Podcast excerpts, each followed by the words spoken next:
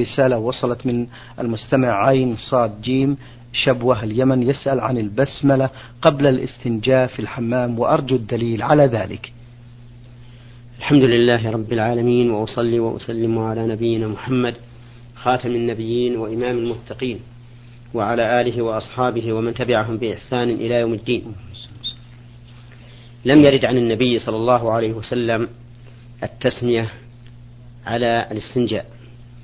سواء كان داخل الحمام أو خارجه وإنما يشرع لمن أراد أن يدخل الحمام الذي يقضي فيه حاجته أن يقول أعوذ بالله من الخبث والخبائث وإن قال قبل ذلك بسم الله فهو حسن. أما قوله أعوذ بالله من الخبث والخبائث فقد ثبت في الصحيحين وأما بسم الله فقد جاءت فيه فقد جاء فيه حديث في السنن لا بأس لا بأس بالأخذ به والعمل به. ولكن التسمية مشروعة عند الوضوء. إما وجوبا على رأي بعض أهل العلم وإما استحبابا على القول الثاني لأهل العلم وهو الراجح. وعلى هذا فإذا انتهى من الاستنجاء وستر عورته وأراد أن يتوضأ فإنه ينبغي له أن يقول بسم الله. نعم. بارك الله فيكم. آه المستمع يقول لقد أقرضت رجلا مبلغا من المال بعملة الدولار. وقد اتفقت معه على أن يرد المبلغ بالدولار أيضا إلا أن ثمن الدولار اختلف عن ذلك اليوم الذي أقرضته فيه وذلك بالزيادة. وأصبح هناك فرقا في السعر كبير. هل هذا الفرق يعتبر ربا؟ إذا أقرض إذا أقرض الإنسان شخصا شخصا دولارات فإنه يثبت في ذمة المقترض دولارات فقط. نعم. سواء اشترط ذلك أم لم يشترط. وكذلك لو أقرضه دراهم سعودية فإنه يثبت له في ذمة دراهم سعودية سواء اشترط ذلك أم لم يشترط. ولا يلزمه أي لا يلزم المقترض أن يوفي سواها سواء زادت قيمتها أم نقصت أم بقيت على ما هي عليه. فإذا أقرضه, فإذا أقرضه الدولار وهو يساوي خمسة ريالات مثلا. نعم. ثم زاد سعره حتى صار يبلغ عشرة ريالات فإنه يلزمه أن يوفيه دولارات. ولو زادت عليه القيمة بالنسبة للريال السعودي. ولو أقرضه دولارا وهو يساوي دولارات وهي تساوي وقت القرض الدولار أربعة ريالات آه خمسة ريالات. ثم نقص الدولار حتى صار لا يساوي إلا ثلاثة فإنه لا يلزمه إلا دولارات. المهم أن من اقترض شيئا لم لم يثبت في ذمته إلا ما اقترضه فقط. ولكن لو أراد المقترض أن يوفي المقرض من عملة أخرى واتفق على ذلك فلا بأس. ولكن بشرط أن تكون بسعر يومها وأن لا يتفرق وبينهما شيء. لحديث ابن عمر رضي الله عنهما قال كنا نبيع الإبل بالنقيع بالدنانير فنأخذ عنها الدراهم وبالدراهم فنأخذ عنها الدنانير. فسألنا رسول الله صلى الله عليه وسلم عن ذلك فقال لا بأس أن تأخذها بسعر يومها ما لم تتفرقا وبينكما شيء. والخلاصة أنه لا يلزم المقترض الذي اقترض دولارات إلا الدولارات سواء زادت قيمتها أم نقصت طيب آه السائل يقول حكم قول نعم هو يقول وهل هذا ربا نعم. يعني لو زادت القيمة أقول نعم. ليس هذا بربا نعم. وذلك لأن الواجب عليك هو أداء ما اقترضت سواء زاد أم نقص بارك الله فيكم. هذا السائل يقول لفضيلة الشيخ حكم الشرع في نظركم في عبارة بالرفاه والبنين للعروسين؟ الذي أرى أن هذا عدول عما جاءت به السنة في التهنئة بالزواج. فإن النبي صلى الله عليه وسلم كان إذا رف إنسانا تزوج قال, قال له بارك الله لك وبارك عليك وجمع بينكما في خير. فلا ينبغي للإنسان العدول عما جاءت به السنة إلى ما كان الناس عليه في الجاهلية.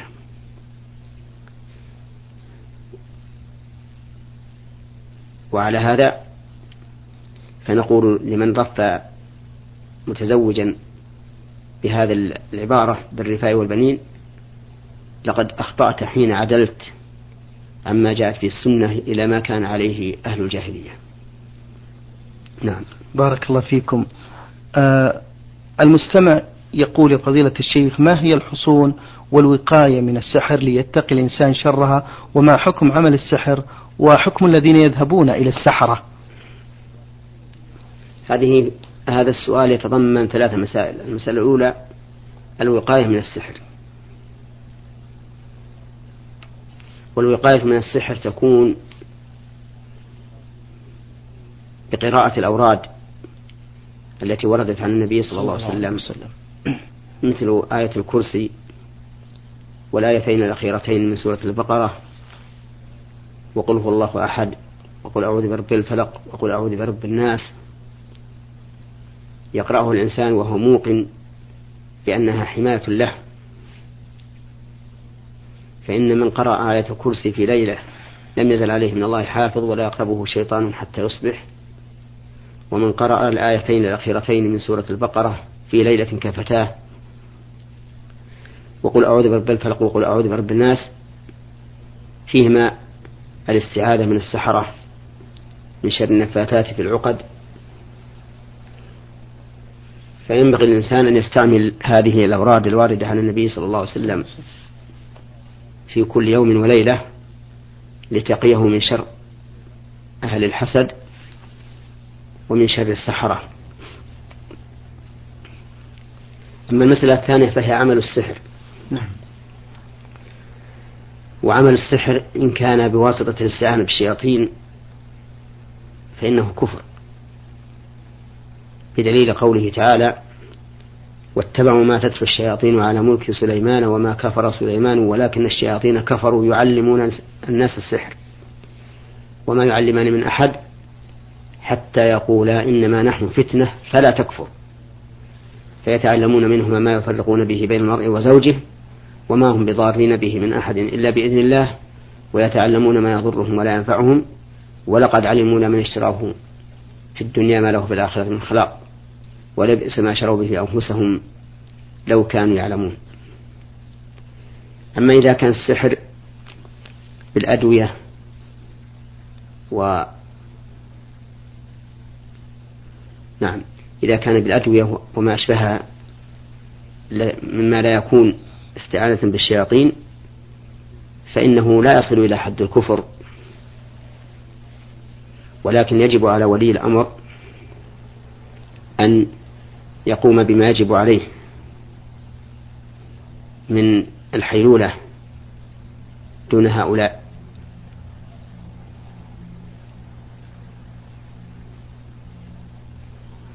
وأما المسألة الثالثة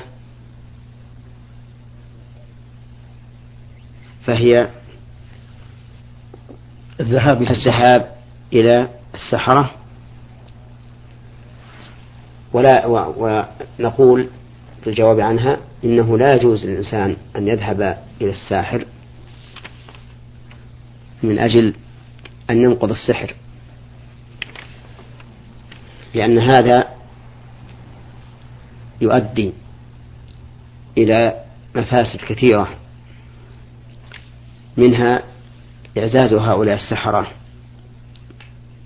وكثرتهم لأنه من المعلوم أن النفوس مجبولة على حب المال وأن وأن الإنسان إذا كان يأخذ أموالا وربما تكون أموالا طائلة على نقد السحر فإن ذلك إغراء إغراء للناس بتعلم السحر من أجل نقده فيحصل في هذا ضرر كبير وابتزاز لأموال الناس. نعم. بارك الله فيكم. وهنا نقول نعم. إن في الأدوية المباحة والأدعية الواردة عن النبي صلى الله عليه وسلم. والآيات القرآنية ما يغني عن هذا بإذن الله. نعم. بارك الله فيكم. متى يبدأ قيام الليل فضيلة الشيخ؟ قيام الليل يبدأ من حين أن يصلي الإنسان العشاء وسنتها فإنه يدخل وقت قيام الليل ولكن أفضله يكون بعد منتصف الليل إلى أن يبقى سدس الليل. لأن عبد الله بن عمرو بن العاص رضي الله عنهما لما قال والله لأقومن الليل ما عشت. أرشده النبي صلى الله عليه وسلم إلى أفضل القيام قيام داود عليه الصلاة والسلام وقال إنه كان ينام نصف الليل ويقوم ثلثه وينام سدسه. نعم. بارك الله فيكم. هذا المرسل آه، المستمع أبو عبد الرحمن عين آه، كاف يقول شعر لحيتي في الجزء الأيمن أكثف من الجزء الأيسر. فهل علي إثم إذا قمت بتسويتها حتى تتساوى مع الجهة الأخرى؟ أرجو إفادة. ثبت عن النبي صلى الله عليه وسلم أنه قال خالف المجوس وفروا اللحى وأعفوا الش... وأحفوا الشوارب. وفي رواية أخرى أعفوا اللحى. في رواية أخرى أرخوا اللحى. وكل هذا يدل على أنه لا يجوز للإنسان أن يحلق شيئا من لحيته. وظاهر الحديث العموم فيشمل حتى هذه الحال التي ذكرها السائل اللهم إلا أن يكون ذلك مشوه لوجهه كثيرا فهذا ربما ينظر فيه. وأما مجرد أنه فوت الجمال فإن هذا لا يبيح له أن يأخذ شيئا من لحيته. وهو إذا اتقى الله سبحانه وتعالى واجتنب ما وفعل ما أمر به النبي صلى الله عليه وسلم فسيجعل الله له فرجا ومخرجا. نعم. بارك الله فيكم. يقول يقوم بعض الطلبة بالغش والنقل أثناء الاختبارات فما الحكم أيضا؟ لا لا يحل للطالب أن يغش في أثناء الامتحانات لأن الغش من كبائر الذنوب. لقول النبي صلى الله عليه وسلم من غش فليس منا. ولأنه يترتب على غشه أن ينجح أو أن يعطى ورقة النجاح وهو غير جدير بذلك ثم يتولى مناصب في الدولة لا تصلح إلا لمن يحمل الشهادة. وإذا كانت هذه الشهادة مبنية على غش فإنه يخشى أن يكون ما يأخذه من الرواتب حراما عليه لأنه يأخذه وهو غير مستحق له حيث إنه لم ينل حقيقة الدرجة أو بالأصح لم يصل في الحقيقة إلى الدرجة التي تؤهله لهذا المنصب فيكون أخذه للراتب من أكل المال بالباطل. فليحذر إخوتنا وأبناؤنا من الغش في الامتحان في أي مادة كانت لأن الحكومة لما وضعت المناهج على هذا الوجه ودخل الطالب لهذه المدرسة أو المعهد أو الجامعة على أساس أنه ملتزم بجميع مواده ومناهجه فإنه يجب عليه أن يوفي بهذا وألا يخون في أي مادة من المواد. وأما ظن بعضهم أنه لا بأس في الغش في مادة اللغة الإنجليزية أو الفرنسية نعم. أو مادة الرياضيات فإن هذا ظن لا أساس له من الصحة لأن جميع المواد التي في المنهج يطالب بها الدارس ويعطى الشهادة على أنه أتقنها جميعها فإذا غش في بعضها ونقل من غيره أو لقنه غيره. كان ذلك خيانة لأمانته وأدى إلى أن يكون غير ناجح في الحقيقة. نعم. بارك الله فيكم. الأدعية والأذكار التي تقال في سجود وركوع صلاة التهجد. آه، أولا ينبغي أن نعلم أن الإنسان إذا قام من الليل فإنه سوف ينظر في الوقت الذي بقي الذي بينه وبين طلوع الفجر. فإذا كان الوقت واسعا فإنه يطيل الصلاة في قراءتها وركوعها وسجودها وقعودها. ففي الركوع ينبغي الإكثار من تعظيم الله عز وجل. وفي السجود ينبغي الإكثار من الدعاء والاجتهاد فيه. لقول النبي صلى الله عليه وسلم ألا وإني نهيت أن أقرأ القرآن راكعا أو ساجدا. فأما الركوع فعظموا فيه الرب وأما السجود فأكثروا فيه من الدعاء أو فاجتهدوا في, الدعاء. فقمن أن يستجاب لكم. ومن الأدعية الواردة في الركوع والسجود أن يقول سبحانك اللهم ربنا وبحمدك اللهم اغفر لي. فإن النبي صلى الله عليه وسلم كان يكثر ذلك في ركوعه وسجوده بعد أن أنزل الله عليه قوله إذا جاء نصر الله والفتح ورأيت الناس يدخلون في دين الله أفواجا فسبح بحمد ربك واستغفره إنه كان توابا. وإذا دعا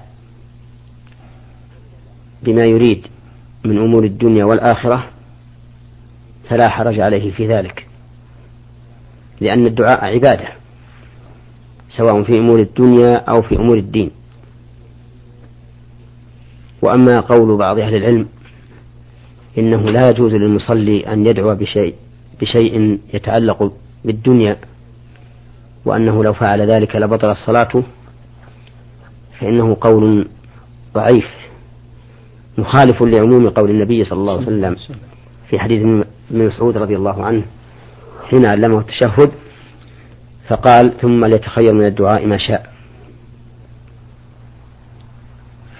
وفي لفظ ما أحب فإن هذا يدل على أنه لا حجر على الإنسان في دعائه. وأن له أن يدعو بما شاء من أمور الدنيا والآخرة. وقد ذكر أهل العلم رحمهم الله أن الدعاء عبادة. واستدلوا بقوله تعالى وقال ربكم ادعوني أستجب لكم. إن الذين يستكبرون عن عبادتي سيدخلون جهنم داخرين. فأمر بالدعاء ثم قال إن الذين يستكبرون عن عبادتي. فدل ذلك على أن الدعاء من العبادة. وإذا كان من العبادة وقد أذن الشارع بجنسه فإنه يشمل دعاء الإنسان ربه فيما يتعلق بأمور دينه أو أمور دنياه. نعم. بارك الله فيكم. هذا المستمع ميم عين صاد يقول صلى شخص الجمعة في أحد المساجد وهو مسافر وبعد الصلاة قام وصلى العصر قصرا بحجة أنه مسافر وأنه سيتوجه إلى بلده قبل أذان العصر. الجمعة صلاة مستقلة تختلف عن صلاة الظهر في أمور كثيرة معروفة لأهل العلم. ومما تفارق فيه الظهر أنه لا يجوز جمع العصر إليها إذا كان الإنسان مسافرا. وذلك لأن الأحاديث الواردة في الجمع ليس فيها إلا الجمع بين الظهر والعصر. وصلاة الجمعة لا تسمى صلاة ظهر بل الظهر بدل عنها إذا فاتت. وعلى هذا فإني أقول لهذا الأخ الذي صلى العصر مع الجمعة أعدها الآن. أعدها الآن صلاة عصر مقصورة لأن الرجل إذا نسي صلاة وهو في سفر أو أخل بشيء منها يوجب عليه أن يعيدها فإنه يقضيها كما وجبت. أي يقضي صلاة السفر إذا كان في الحضر ركعتين. ويقضي صلاة والعكس بالعكس فيقضي صلاة الحضر إذا ذكرها في السفر يقضيها أربعا. لقول النبي صلى الله عليه وسلم من نام عن صلاة أو نسيها فليصلها إذا ذكرها. فقوله فليصلها الضمير يعود على هذه المنسية أو التي نام عنها يعود إليها بصفتها. فإذا كانت الفائتة مقصورة صلاها قصرا وإذا كانت تامة صلاها تامة. نعم. بارك الله فيكم. أحد المتابعين للبرنامج فضيلة الشيخ يقول رجل عنده زوجة تعاني من مرض ملازم وأراد زوجها إحضار خادمة مسلمة فهل عليه من حرج في ذلك؟ أولا أرى أن الإنسان ينبغي له أن يصبر طيب. على التعب دون أن يلجأ إلى إحضار الخادم وذلك لأن إحضار الخادم يتطلب نفقات وربما يحدث مشاكل وربما يحدث فتنة في الدين. وإذا دعت الحاجة أو الضرورة إلى إحضارها فلا بأس ولكن يحضرها بمحرم يكون معها يحميها ويحرسها ويحفظها. وهذا المحرم إذا قدم يمكن أن يهيأ له عمل إذا لم يكن أهل البيت يحتاجونه لأعمالهم وليحرص على أن تكون الخادم إذا إذا دعت الحاجة إلى إحضارها مسلمة. لأن الكافرة يخشى على الأطفال منها أن تغير عقيدتهم من حيث لا تشعر. ولأنه لا ينبغي للإنسان أن يكون في بيته كافر لا يؤمن بالله ولأنه ينبغي أن نعلم بأن جميع الكفار أعداء للمسلمين. لقول الله تعالى يا أيها الذين آمنوا لا تتخذوا عدوي وعدوكم أولياء تلقون إليهم بالمودة وقد كفروا بما جاءكم من الحق.